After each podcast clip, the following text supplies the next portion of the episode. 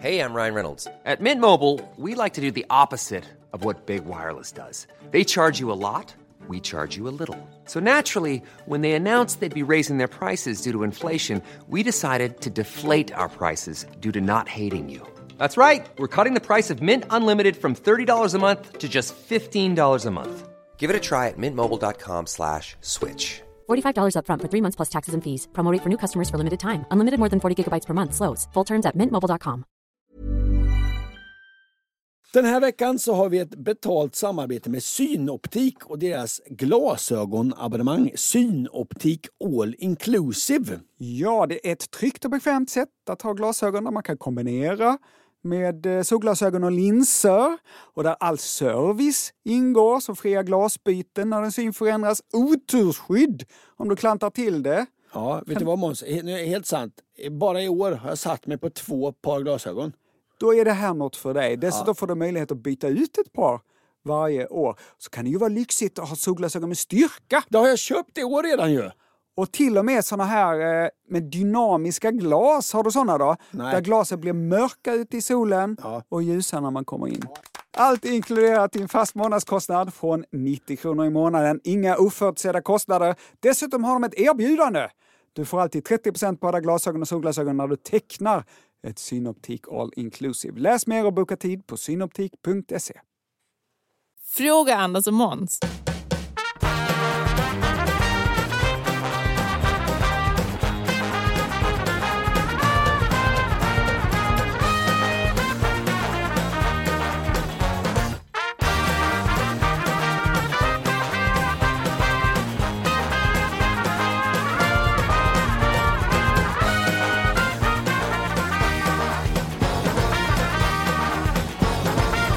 Hjärtligt välkommen till podden Fråga Anders och Måns. Frågepodden som vi gör tillsammans. Ja. Du Anders. Ja, och du, Jag Måns. Måns. Ja. Och du som lyssnar och som skickar in frågor till fraggas andersochmans.se.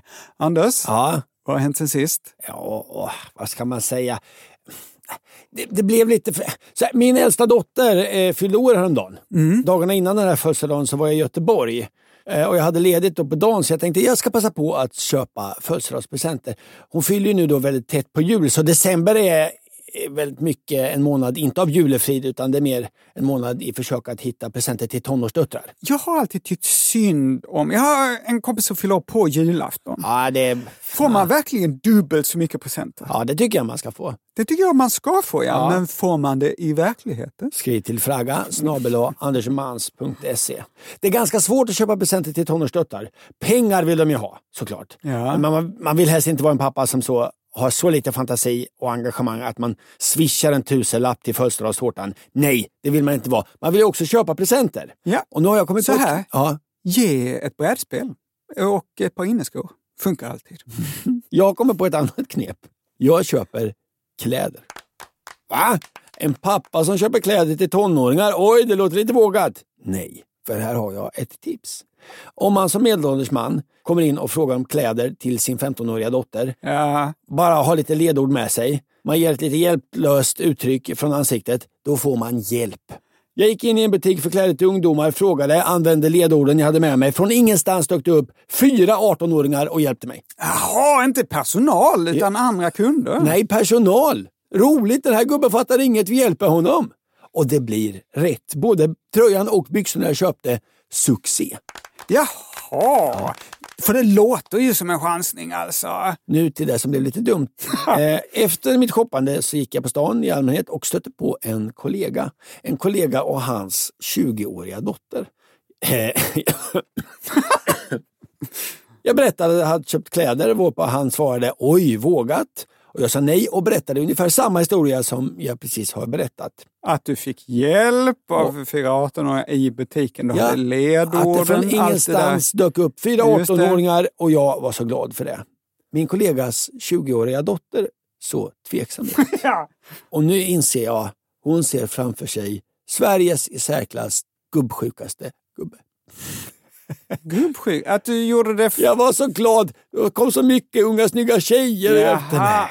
Nej, nej. Att det hela var knep, att du kanske inte ens hade en dotter som skulle fylla år. Nej, nej, nej! Det var ju inte det. Du vet Såklart. Måns, att jag är nykär i en kvinna som till och med är lite äldre än mig. Jag har noll intresse eh, av 18-åriga kvinnor annat än att jag uppskattar att de hjälper mig att köpa kläder till mina döttrar. Såklart. Men du vet hur det är.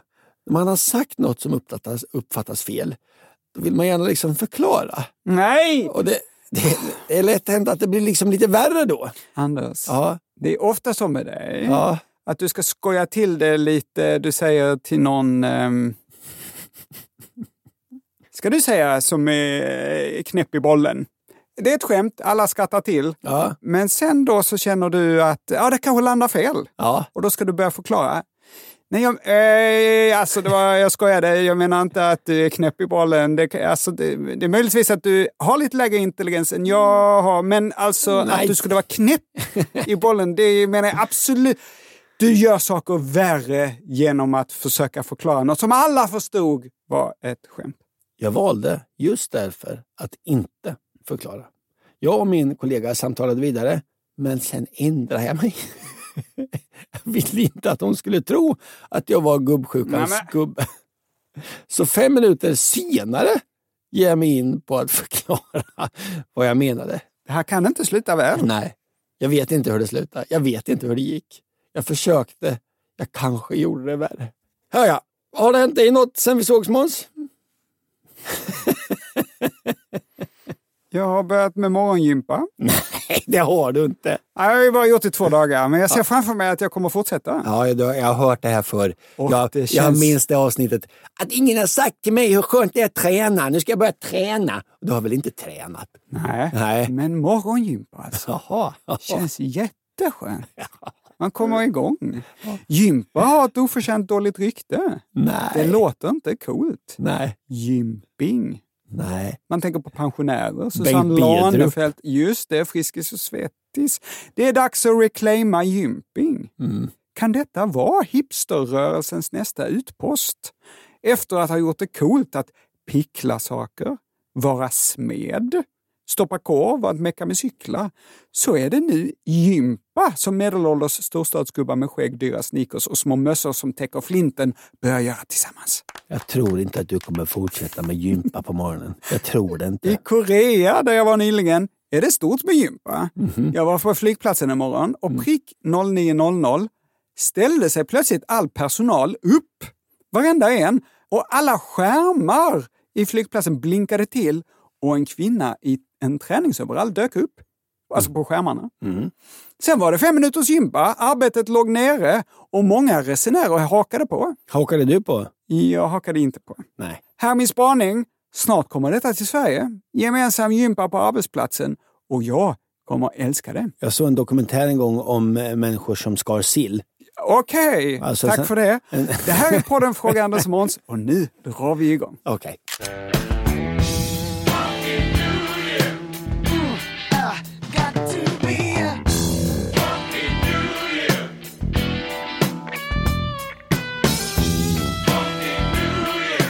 Vissa frågor vi får är långa, vissa är korta, vissa frågor vi får är ganska lätta, andra jättesvåra. Den här är skitkort och supersvår.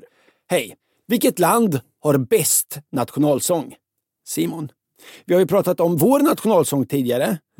Vi har ju den här.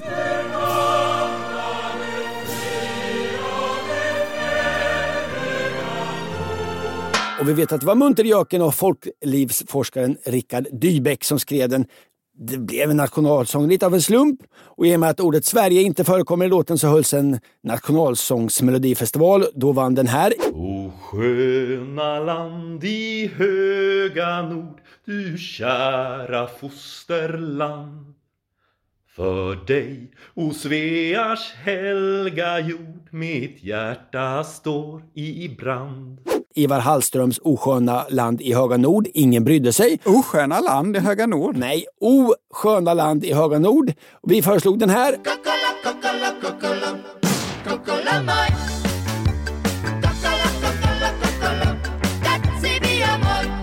Och den har vi kommit överens om och det har, den har vi nu.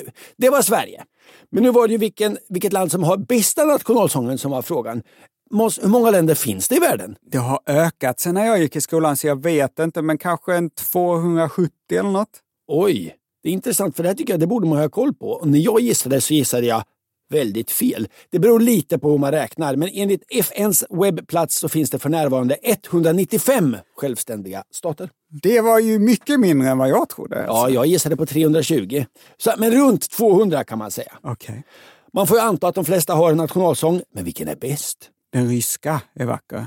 Ja, man, Ja, det är ju opoppis att säga det Ja, i, men- i krigstider. Ja, men eh, säga, eh, Ryssland, eh, ja, ett skitland, men de har en bra nationalsång. Ja.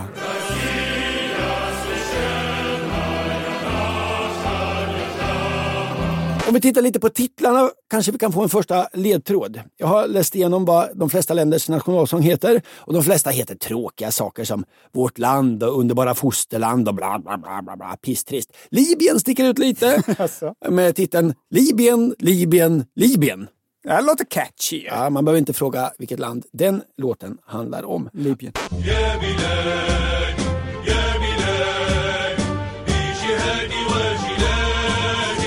Öriket Vanuatu, det lär ju vara världens lyckligaste folk. Eh, Tills, tills eh, de får översvämning av eh, Ja, klimat... Då blir de inte det. så länge de finns är de det. Ja. Kanske är det deras nationalsångstitel som är en bidragande del till den lyckliga mentaliteten. Den heter Yummy Yummy Yummy. Härligt! Ja, det betyder vi, vi, vi. Och det är mest roligt för att man kommer att tänka på den gamla poplåten Yummy Yummy Yummy I got love in my tummy. Här kommer den. Yummy, yummy, yummy, I got love in my tummy and I feel like I'm loving you. Polen, också lite rolig. Ja, den texten har vi ju pratat om Ja. eh, många gånger förut. Ja, den. än är Polen inte förlorat, som man sjunger om. Den är också lite, och då säger jag väldigt lite rolig, för att den heter då Dabrowskis mazurka. Jaha. Det är bara lite, lite roligt. Och, Heter nationalsången Mazurka? ja, Dabrowskis mazurka, det är lite, lite, alltså väldigt lite roligt. Man kan tänka sig att det är Stina Dabrowski som dansar mazurka. Jag sa lite roligt. Ja. Ja. Minst klatschig titel har, gissa, Finland. nej, Turkmenistan. Deras nationalsång heter, håll i hatten, Oberoende, neutral, oberoende, neutral, turkmenistansk nationalsång. Ja, det är ju det är ingen schlager det där. Man har nyligen bytt ut texten. Det var 2008. Den tidigare texten var för dålig. Varför? Jo, för den skrevs av ingen mindre än Sappa Murat Niazov. Ja. Den vidriga, men förmodligen absolut mest konstiga diktatorn. Många saker han eh, införde och hade för sig. Ja, vi har ju pratat om honom många gånger, men klassikern han döpte om bröd till namnet på sin egen mamma. Han döpte om månader och dagar. April, det fick också heta samma sak som hans mamma. Han förbjöd alla typer av böcker utom sina egna. Han stängde alla bibliotek på landsbygden för han tänkte folk på landet kan ändå inte läsa. Han förbjöd också ballett, opera, smink på män och datorspel. Han lät bygga ett stort ispalats utanför huvudstaden trots att temperaturen ofta når upp till 50 grader. Det är inte längre tillåtet att använda tobak i Turkmenistan. Varför? Jo, för Niazov själv blev tvungen att sluta röka efter att han blev opererad. Ja, men det ska ingen annan heller få. Nej, han införde också förbud mot långt hår, skägg och guldtänder. Samt han skrev texten såklart till nationalsången. Den har man numera bytt ut.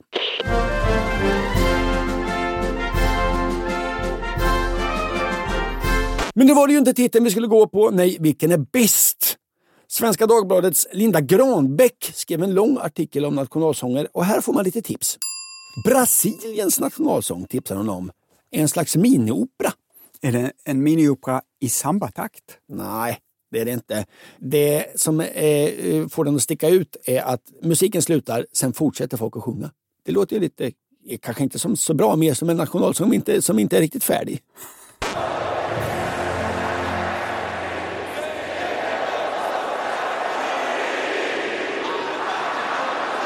Kinas nationalsång är lite spännande.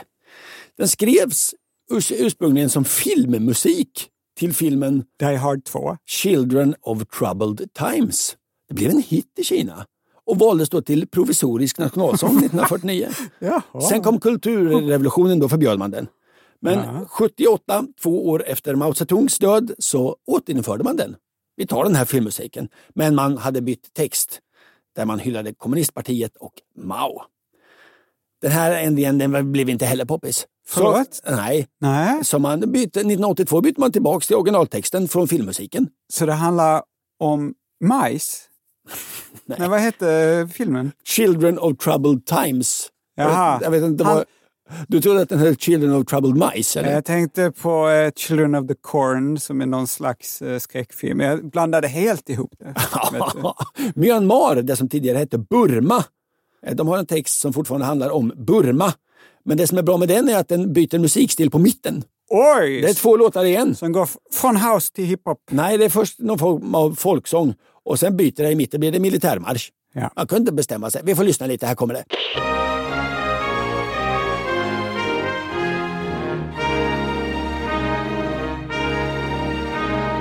Nepal är ju lite en favorit. Nepal har en väldigt gammal flagga. Visste du det? Nej, Världens äldsta flagga. Vet du vilket land? eh, Island. Danmark. Jaha. Dannebroen. Ja, gammal. Eh, Men Nepal har en supergammal flagga. Mm. De väger upp detta genom att ha en av de absolut nyaste nationalsångerna. Jaha, Den kom till 2007 i ett stort, samma som vi hade då i början av 1900-talet, nationalsångsmelodifestival-event.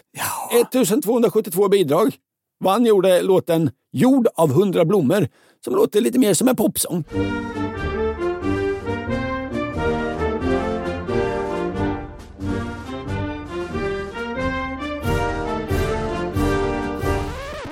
Ja, jag vet inte vilket som är bäst. Jag är ju då inte så förtjust i nationalsånger. Jag är ju då tyvärr förtjust i Rysslands. Men Ryssland är ju också, förlåt, ett jävla skitland. Därför tycker jag vi ska spela den version av den ryska nationalsången som turkiska nationalorkestern framförde när Putin var på besök 2015. Det blir som någon slags samtidskommentar. Eh. Ja, det blir inte så bra. Här kommer den. är det Växjö skolorkester? Ja, typ.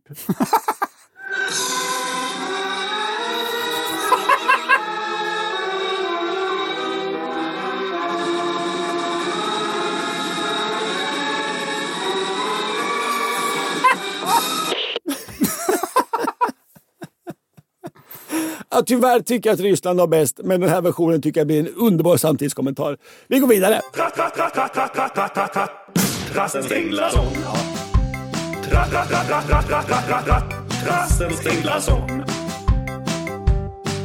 O sköna land i höga nord, du kära fosterland. För dig, o Svears helga jord, mitt hjärta står i brand. Nu blir det lite torrt om teknik. Torrt om teknik. Ja, och det Det land- borde vi ha en jingel. Ja, här kommer grundmaterial ni kan göra Ingald. Torrt om teknik. Torrt om teknik. Torrt om teknik. Och det landar på dig Anders att lätta upp det här inslaget. Jaha, att jag ska säga tokiga saker medan du pratar om torra saker. Eh, exakt, du ska hålla öronen öppna efter ord som börjar på bokstaven G. Ja, ja, det blir bra. Varannan gång jag säger ett ord, Gång, där hade du. Eh, precis, varannan gång jag säger ett eh, ord som börjar på bokstaven G så ska du gärna säga Genast, där hade det. Nothing but a G-thang baby. Okej. Mm. Och varannan gång ska du säga gott, gott, gott, gott, gott. Oj, oj, oj, det här blir ett fruktansvärt inslag. Det är Erik som skrivit till oss. Hej Anders och Måns. När jag filmar med min mobiltelefon och sen kollar på filmerna i min egen telefon är kvaliteten tämligen bra. Men så fort jag skickar en film till en annan person och mottagaren ska kolla på samma film är kvaliteten usel. Varför blir en filmsnutt kass i kvaliteten bara för att jag skickat den? Har testat alla kombinationer. Skickat från både Android och iPhone till både Android och iPhone. Är det jag som gör något fel eller är det samma för alla? Med vänlig hälsning Erik.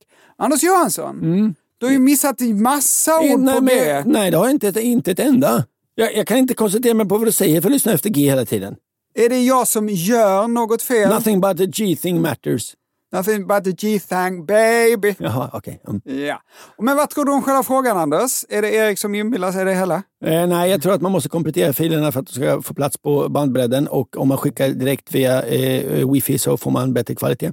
Jag ska börja med ett annat exempel. När jag ska mejla någon en bild så drar jag in bilden i mejlet. Och när jag ska skicka så frågar programmet mig i vilken storlek jag vill skicka bilden. Verklig storlek, stor, medel eller liten. Och storlek i det här fallet handlar ju inte om hur stor den är i centimeter utan om hur mycket den väger, alltså hur många megabyte den är på. Om jag väljer verklig storlek så betyder det att jag skickar iväg bilden i precis samma skick som jag har den i på min dator. Om jag väljer en annan storlek så kommer mejlprogrammet komprimera bilden till mindre format innan den skickas iväg. Och Erik, det är exakt samma sak som händer i din telefon när du skickar iväg en film. Oavsett om du använder sms, iMessage, Facebooks Messenger eller WhatsApp så komprimeras filmfilen till ett mindre format med sämre kvalitet innan den skickas iväg. Och detta utan att mobiltelefonen ber dig om lov. Men man kan ju förstå det. Det finns knappt något som väger mer än filmfiler. Det är ju minst 25 stillbilder i sekunden plus ljudet och det tar ju enormt mycket överföringskapacitet i mobilnäten. Jag kan inte hålla på med det här inslaget på det här sättet. Jag hör inte vad du säger. Jag bara lyssnar efter G hela tiden. Nej, Snart ska jag få säga gott, gott, gott, gott, men så får jag aldrig göra det. Men fortsätt. Men finns det då sätt att komma runt det här om Erik vill att mottagaren ska få filmen i lika bra kvalitet som han har på sin telefon? Jo, man kan skicka den via en filöverföringstjänst som till exempel WeTransfer, eller man kan använda en gemensam moln... Gott, gott, gott, gott, gott, gott, gott. molntjänst som Dropbox eller iCloud. Eller om man är i närheten av varandra och har Apple-produkter så kan man alltså airdroppa filen. Android har säkert en egen variant av det här, men jag vet inte vad den heter. Och anledningen att filen kan vara okomprimerad och större då är att den inte skickas via 4G eller 5G-näten utan via wifi och bluetooth. Hoppas du är ganska Nothing but the G-thing baby. nöjd med svaret på din gåta, Gott, gott, gott, gott. Erik.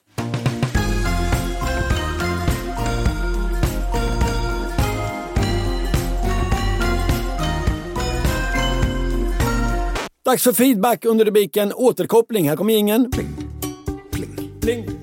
pling. Åter, åter, Återkoppling. åter, pling. Pling. Fy!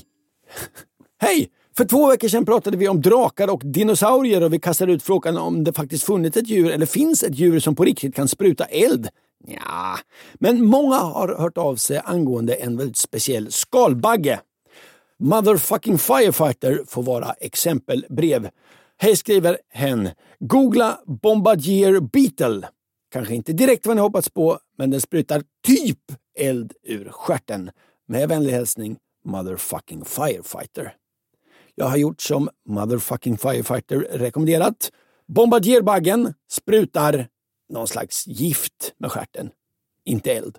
Men det är fett. Den sprutar ett gift som den får genom att äta myror och den kan sikta sin stråle och skrämma bort väldigt stora djur. Men nej, den sprutar gift, inte eld ur stjärten. Även om den kan sikta så är det inte eld. Fortsätt tipsa oss. Finns det eventuellt ett djur som kan eller har kunnat spruta eld? Skriv till fraga snabel andersomans.se. Så här skriver Marcus på samma tema. I avsnitt 100 frågade Dragonpasta om skillnaden mellan dinosaurier och drakar. Och precis som Måns sa så är dinosaurier djur som har funnits medan drakar är ett fantasidjur. Men det finns en trope som kallas Dinosaurs are dragons och utgår från att båda är samma sak. Detta kan ses i ett antal videospel, rollspel, filmer och tecknade serier. Det är även en vanlig tanke bland skapelsetroende kristna att jorden är 6000 år och att dinosaurier i själva verket är de drakar som beskrivs i Bibeln och att de dog ut i närtid. Vissa går till och med så långt att de hävdar att dinosaurier kunde spruta eld. Något annat intressant är att den moderna bilden av drakar är mer inspirerad av dinosaurier än av hur drakar avbildades i till exempel medeltida konst. Under medeltiden såg drakar ut som ormar med diverse djurdelar liksom satta på kroppen. Och de kunde lätt dödas med en käpp eller med bara fötterna. Med bara fötterna? Jaha, ja, ja. De verkar alltså ha varit lite mindre än de drakar man ser framför sig nu. ja, När ja. man tänker på en drak. Man kan trampa ihjäl dem, absolut. Med vänlig hälsning Marcus. Spännande! Vet du mer om detta? Skriv till fraga snabel. Nu går vi vidare.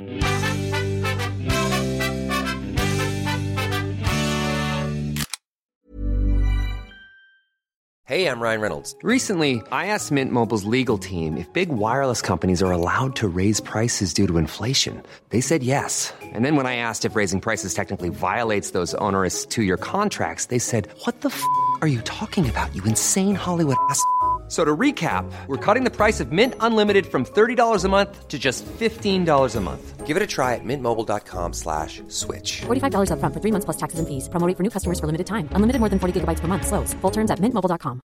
This is Paige, the co-host of Giggly Squad, and I want to tell you about a company that I've been loving, Olive and June. Olive and June gives you everything that you need for a salon quality manicure in one box. And if you break it down, it really comes out to $2 a manicure, which is absolutely insane. It's also so easy to get salon worthy nails at home with Olive and June. The difference between how your nails used to look when you did them yourself and now with the Manny system is a complete game changer. The best thing about Olive and June too is it's a quick dry. Dries in about one minute, lasts for five days, and full coverage in up to one to two coats. Visit oliveandjune.com slash perfectmanny20 for 20% off your first system. That's oliveandjune.com slash perfectmanny20 for 20% off your first system.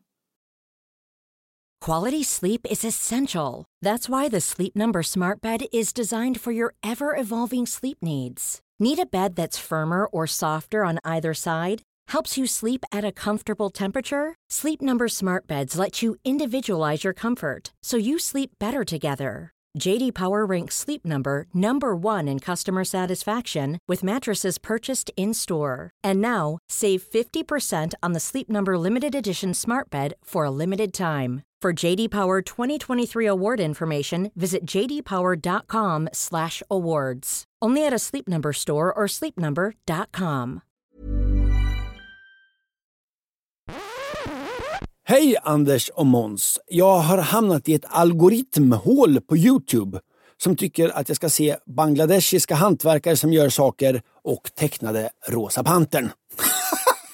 Ja, det var faktiskt udda. Ja, det är intressant. Jag har själv hamnat i ett algoritmhål eh, där mina sociala medier vill att jag ska se nödlandningar med små flygplan och män som tappar fiskespön i vattnet. Ja. men det känns som något som du skulle kunna vara intresserad av. Ja, vilket är ditt nuvarande algoritmhål, Måns? Ja, jag får eh, ganska mycket om keramik, så de har ju verkligen lyckats ringa in mig på gott och ont. Jag ska fortsätta med Nicke Ponkens brev. Jag undrar, och har nog alltid undrat, vad den tecknade Rosa Pantern har med Peter Sellers att göra. Första filmen om Clouseau hette väl så och hade en panter i början, men varför? Och hur blev det en tecknad serie? Tack på förhand, vänligen Nicke Ponken. Och det här monstret vet du kanske? Jag tror att den första filmen eh, gjordes och att de behövde någonting till vinjetten där till början och att eh, någon ritade en eh, tecknad rosa panter. Eh, Och det var ju den där diamanten, om jag inte missminner mig, som var rosa och som kallades rosa panter. Det, detta har jag ingen aning om. Så jag tror att det bara råkade bli jättepopulärt, den där tecknade mm, pantern. Ja, du är mycket nära sanningen. Och sen så eh, gjorde man en spin-off på detta och gjorde det till, till en egen serie. Du är mycket nära sanningen, Måns. Du vet, jag älskar Rosa Pantern-filmerna. Ja, så roliga! Ja, verkligen. är- De är bitvis urusla, men oj vad jag gillar dem. Den här scenen när Peter Sellers utklädd till elektriker har sönder en ringklocka. jag, jag tror att jag har sett den hundra gånger. Jag skrattar varje gång.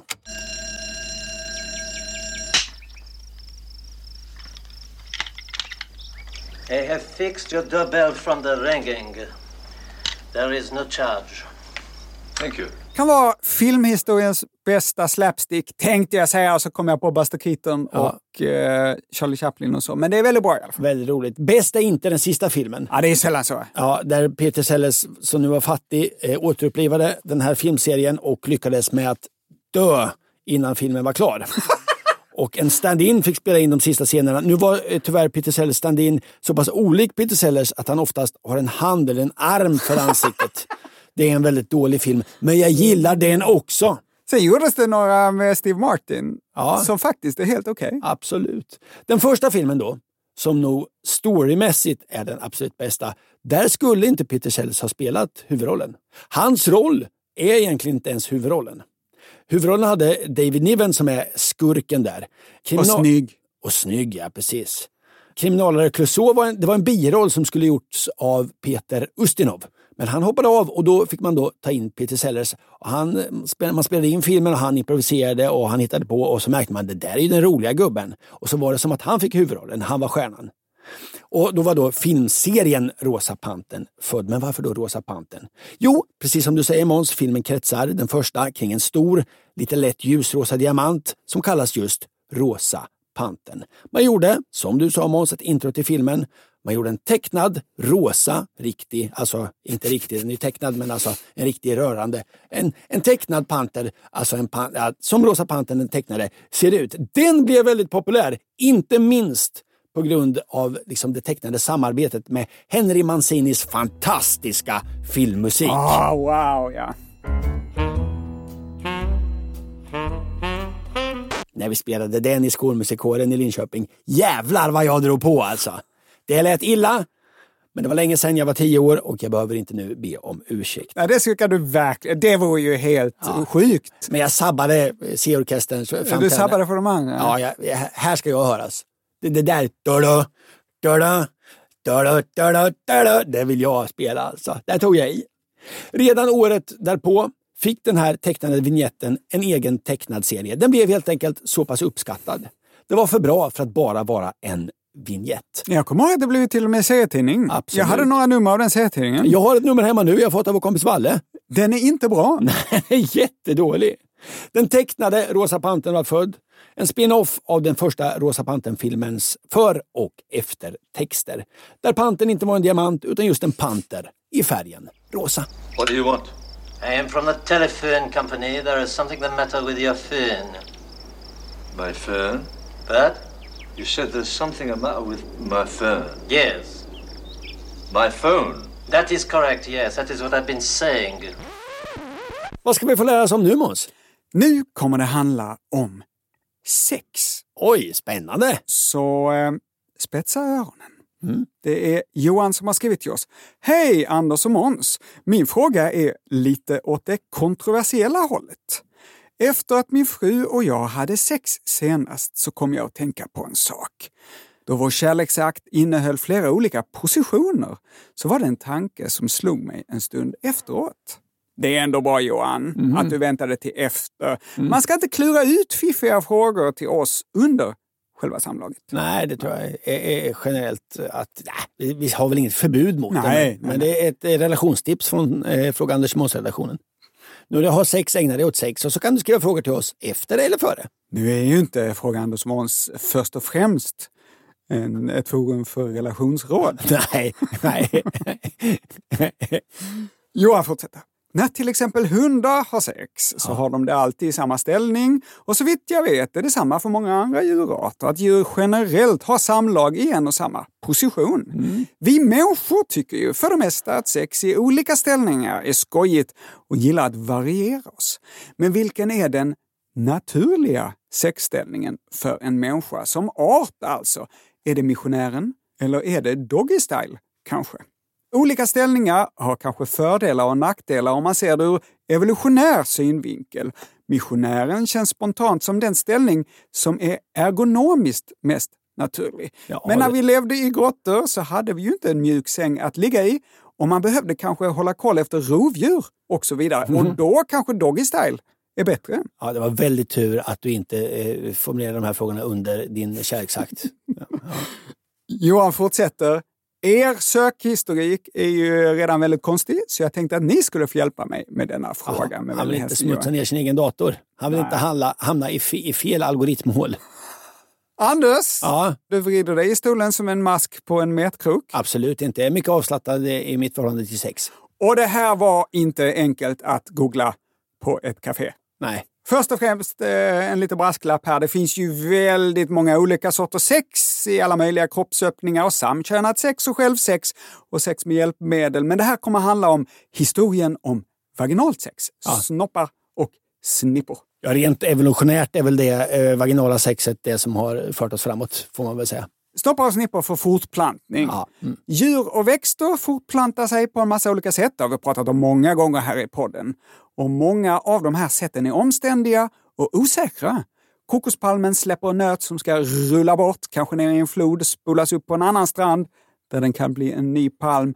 Blommor behöver en insekt som får över pollenkorn till pistillen. Så där osäkert hade vi människor inte velat ha det. Nej, att man, ska, att man känner kärlek för någon och att man läcker lite säd och sen ska det komma en insekt och hämta det och så landa i, då, i, i de vaginala trakterna. Nej, så vill vi inte ha det. Nej, att det måste landa en geting på snoppen för att det ska bli barn. Nej. Så vill vi inte ha det. Nej, och att den sen ska bege sig och leta upp ett... Nej. Nej, Nej, det hade varit eh, evolutionärt eh, sämre. Där är ju penetrativt samlag mycket, mycket bättre. Man har full koll på var spermierna hamnar. Men det är väl få djur som fortplantar sig via andra insekter va? Det tror jag. Ja. Och som du. Ja. Men det här fiskar som bara kissar ut sina spermier i havet Mm. många gånger och hoppas på det bästa. Den här bläckfisken som sliter av sin penis så ska den simma iväg själv. Ja. Osäkert. Ja. Världens äldsta dokumenterade samlag med penetration är ett fossil som är 385 miljoner år gammalt. Oj, oj, oj. Det handlar om ett utdött djur som ser ut som en blandning mellan ett grodyngel och en fisk. Och det heter det mycket passande namnet Microbrachius dicki. Jaha, Micro- Mi- Microbrachius dicki. Det är två individer i det här fossilet och man ser att den ena sticker in någon slags rör i det andra för att föra över spermier. De hade lite otur och dog i just den positionen. Det händer väl människor också? Lite människor får väl pinsamt. hjärtattack och dör under samlag. Är inte det vanligt? Eller vanligt att det har hänt? Att båda dör. Nej. Samtidigt. Nej, ja, nej det har jag. Ja, det, jag vill inte googla det heller. Båda Nej. dog under samlag. Nej usch vad hemskt. Det kan vara få hemska träffar. Men vad hade de här halvfiskarna samlag i för position då? Vilken sexställning är den äldsta? Ja, om man tittar på bilden, de ligger bredvid varandra och håller varandra i ena fenan. Det ser mest ut som de dansar squaredans. Mhm. Och sen är då hanens L-formade könsorgan lika långt som kroppen. Honans könsorgan liknar ett sånt här rivjärn för ost. Kort sagt, det går inte riktigt att jämföra med någon sexställning som människor kan använda. Nej. Vi får gå till djuren som liknar oss mer. Som är våra närmsta släktingar. Ja, Hur, aporna. just det, hur har schimpansen och gorillan sex? Är det missionären? Eller är det cowgirl, spindeln eller kanske skottkärran? Jag känner inte till de här riktigt, vilken som är vilken. Anders, du var ju programledare för djursjukhuset. Såg du några apor som hade sex? Nej, det, men du har ju i en scenföreställning vi gjorde pratat mycket om bonoboer och hur mycket de låg med varandra. De älskar att ha sex, ja. Mm. Just det. Apor har sex bakifrån. Mm. Doggy style. Eller monkey style. Eller. Med några få undantag. Och det är just bonoboerna som du nämnde, som ibland kallas dvärgschimpanser, som är undantaget. De har ibland sex ansikte mot ansikte. Jaha. Det är inte riktigt missionärställningen, för båda sitter liksom upp. Ja. Och sen den ena då gränsle över den andra. Och det är väl vår närmsta släkting, bonoberna? Nej, det är det inte. Schimpanser, vanliga schimpanser. Ja, är närmare. Okej. ja. Är närmare. Även vanliga schimpanser och gorillor i fångenskap har, setts, har sex på det här sättet. Mm. Och eh, vilda gorillor så har man sett någon enstaka gång ha sex på det här sättet. Det finns en video med gorillorna Lea och George. Men jag tyckte det var integritetskränkande att titta på den. ja, det förstår jag. Men den finns på nätet. Men för att sammanfatta, apor har sex som hundar har sex. Bakifrån. Men vilken är då den mest naturliga positionen att ha sex i för människor? Det var ju det som var Johans fråga. Ja, ja, ja. Eller vilken är den ursprungliga? Forskarna verkar överens om att människans första sexställning också är bakifrån. Då har Johan kanske rätt då att man skulle, hade ingen bra madrass om man skulle spana efter rovdjur. Kanske. Men så länge som människor har haft sex så har vi också experimenterat med olika positioner. Det, det är inte så att människor hade sex doggy style i 10 000 år innan någon kom på missionärställningen. Nej, när det kommer till sex så är människan uppfinningsrik. och har alltid varit. Faktum är att den äldsta avbildningen av två personer som har sex är ansikte mot ansikte. Det är en skulptur i sten, den är 11 000 år gammal och hittades i en grotta utanför Betlehem. Och den föreställer två personer, oklart vilken kön personerna har, men båda sitter ner. Den ena gränsle över den andra. Forskare spekulerar i att människor i högre grad än djur inte bara använder sex för fortplantning utan också för njutning och för att stärka intima band. Och därför vill se varandra ansikte mot ansikte under akten och att det är därför då människor har sex i missionärställningen till skillnad från andra djur. Men det kan vara så enkelt som att det handlar om vår fysik, hur kropparna ser ut. Alltså hundar kan inte ha sex i missionärställningen. Nej nej. Det går bara inte. Nej, om de hade kunnat hade de kanske också testat. Det tror jag. Sexmanualer, guider till olika positioner har funnits i flera tusen år. Den mest kända, vilken är det Anders? Nej, Karmasutra va? Exakt, den skrevs någon gång mellan 100 f.Kr. och 500 efter. Förutom avbildningar av 64 olika samlagsställningar så berättar boken om erogena zoner, sensuella massagetekniker, hur man flörtar och uppvaktar, hur man beter sig hövligt både före och efter kärleksakten, tips på trolleritrick och recept på afrodisiak och penisförstoringsmedel. En tidig kvällsbilaga till Aftonbladet. Ja, eller en sexualkunskapsbok. Ja. Anders, är du expert på tantriskt sex? Nej. Då ska du läsa Kamasutra. Olika ställningar har genom historien varit olika populära runt om i världen. Om man tittar på gamla avbildningar i konst och på målad keramik och så, så kan man se att missionärspositionen den var poppis eh, redan bland de gamla grekerna. Men det kanske bara var att den var lättare att måla. Mm, det är den det? Det tror Ja, jag det inte. vet inte jag. Nej, det är Nej. benen bakom. Nej, det tror jag inte. Nej, det är svårt det kanske. Ja. De gamla grekerna, Ja. de gamla romarna, de gamla peruanerna, indianerna, kineserna och japaner har avbildat den här positionen i sin konst. Bara den? Nej, nej, nej, Nej, nej, men den finns där. Ja. Om man tittar på gammal konst så är missionärspositionen mindre populär än att kvinnan sitter på mannen, Mhm. alltså cowgirl, i eh, Grekland, Rom, Peru, Indien, Kina och Japan. Det är precis samma länder en gång till. Ja, ja. Så missionärsställningen fanns, men den var mindre populär än cowgirl. Cowgirl var mindre populär. Nej, tvärtom. Jaha, var den mer populär? På den tiden. Jaha. Kagaba. Kagaba-införingarna i Colombia. Jag tror aldrig någon har pratat om sex på ett mindre, ett mindre ero, erotiskt sätt. Alltså. Det tror jag inte. Kagaba-införingar i Colombia. Det De är, för- det är inte så att det rinner till bland våra lyssnare av det här inslaget. Ah, okej. Ja, säg Nej. inte det, det Nej. vet man aldrig. Kagaba-införingarna i Colombia de föredrog missionärspositionen eftersom de trodde att om kvinnan rörde sig under samlag Ja. skulle jorden glida av axlarna på de fyra jättar som höll den ovanför vattnet. Ja, men det stämde väl Det inte. vill man inte. Det vet jag inget om. Men det vill man ju inte riskera Nej. såklart. Om vi då beger oss till... Man ska bara ha det lite skönt och så glider jorden av de för axlarna. Fan också. Ja, då får man skämmas. Om vi beger oss till Europa då. Jaha. I det antika Grekland var missionärspositionen från början inte poppis alls. Nähä. Nej, nej. Men runt det andra århundradet så populariserades den av Artemidos. Japp.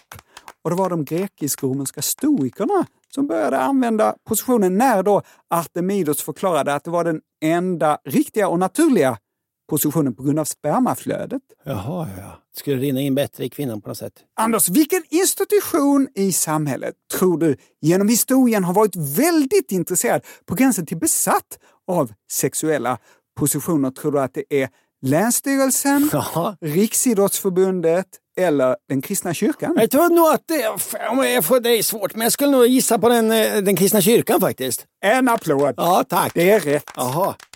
När och med vem och hur man ligger med varandra, det, det vill kyrkan, det vill de, det vill de in och peta i det gökboet. För att vara en organisation som tycker att sex är så fult så är de eh, väldigt intresserade av Ja, sex. det väcker en tanke igen på något sätt. Varför är ni så intresserade? Ni som inte håller på med, ni, ni, kan väl, ja, skit i mig. Kyrkan tyckte väldigt mycket under väldigt många hundra år, men för att sammanfatta det så var det bara missionärställningen som var den accepterade. Alla andra ställningar var till och med olagliga under eh, flera århundraden. Andra samlagsställningar, till exempel entergo, alltså bakifrån, ansågs eh, vara bara till för djuren och eh, ansågs förvirra gränserna mellan människors och djurs beteende. Jaha, så att om man låg med någon bakifrån så kunde man lätt tro att man var typ en hund då, eller? Jag vet inte hur de tänkte, men det var i alla fall olagligt. Nej, de hade väl ingen och man kunde få tre års fängelse. Ja, men. Och som kvinna hade man också rätt att skilja sig om mannen låg med en i annan sexställning än missionären. Jaha. Ja, det var ju det, var bra att man äntligen eh, erbjöd kvinnorna en utväg från vidriga förhållanden. Han låg med mig bakifrån och så fick man skilja sig. Ja. Samlag var bara till för fortplantning och njutning var eh, extremt eh, fult och, fel. Nej, och varför ska man ha det bra? olagligt. Exakt. Ja, gratis och trevligt. Nej, nej, nej. Vissa religiösa tänkare föreslog att barn som blev gjorda i någon annan position än eh, missionären eh, skulle få fosterskador Jaha. och kom- komma ut deformerade. Och allt det här leder oss till namnet på den här ställningen, missionärställningen. Hur tror du den fick sitt namn, Anders? Nej, jag har ingen aning. En populär myt är att missionärställningen skulle fått sitt namn under kolonialtiden när engelskspråkiga kristna missionärer åkte runt i världen och berättade för sina konvertiter att de bara fick ha sex i den där positionen, att alla andra samlagsställningar skulle vara perversa och ogudaktiga. Men som sagt, det här är bara en myt. Första gången ordet missionärställningen förekommer i text är inte förrän 1948. Och det är sent. I Alfred Kinseys bok Sexual Behavior in the Human Male. Innan den här boken så var ställningen känd under många andra namn. Jaha. Bland annat den äktenskapliga ställningen, mamma-pappa-positionen och den engelsk-amerikanska positionen. Engelsk-amerikanska? Låter som ett brottningsrep, tycker jag. Jaha, ja. Italienare runt Toscana kallade positionen änglarnas position. Ja, trevligare. Medan vissa arabisktalande folk kallade den för ormarnas sätt. Ja. Och på franska heter ställningen den klassiska positionen. Ja. Den klassiska. Klassisk brottning också. Det blir engelsk-amerikansk brottning och klassisk brottning. Det är lite samma. Ja. Doggy style då. Det latinska namnet för eh, bakifrån är coitus more ferrarum som betyder eh, samlag på samma sätt som vilda djur. Jaha. Och i Kamasutra heter den här positionen inte doggy style utan ko-positionen. Jaha, ja. kossor gör ju också så. Så det är inte konstigt. Ja. För att sammanfatta brevskrivaren Johan, det verkar som att den första sexpositionen som människorna ägnar sig åt var bakifrån, doggy style, precis som de flesta andra djur. Men att människan redan mycket, mycket tidigt började experimentera med olika positioner. Men den första var i alla fall inte som det här eh, fiskliknande grodynglet som hade en L-formad snopp som stack in i en form av rivjärn. Eh, Det, det, inte för människor, nej. Nej, Bra, då, då, då behöver jag inte oroa mig.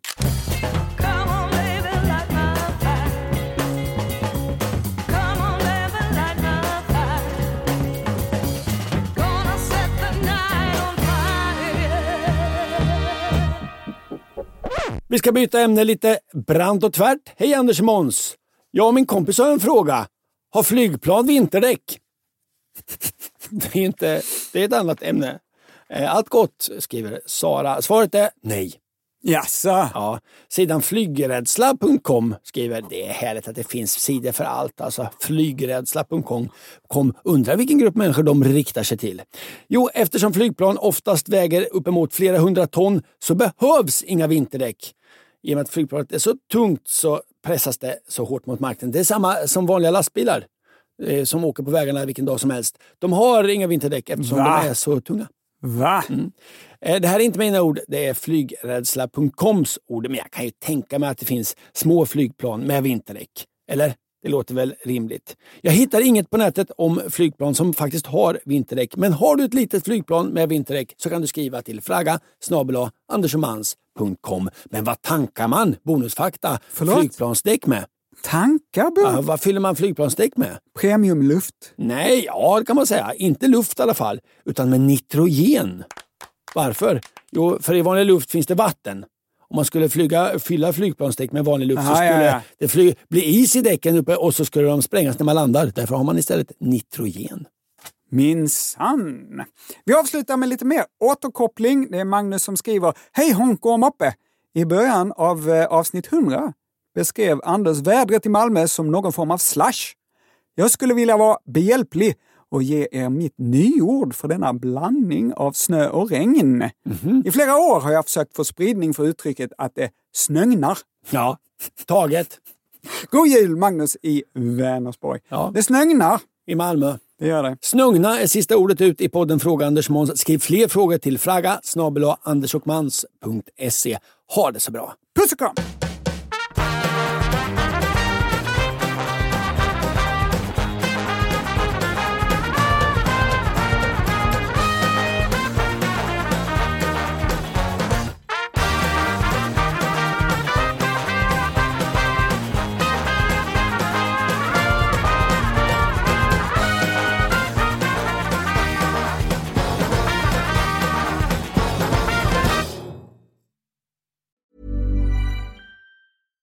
Hi, I'm Daniel, founder of Pretty Litter. Cats and cat owners deserve better than any old fashioned litter. That's why I teamed up with scientists and veterinarians to create Pretty Litter. Its innovative crystal formula has superior odor control and weighs up to 80% less than clay litter.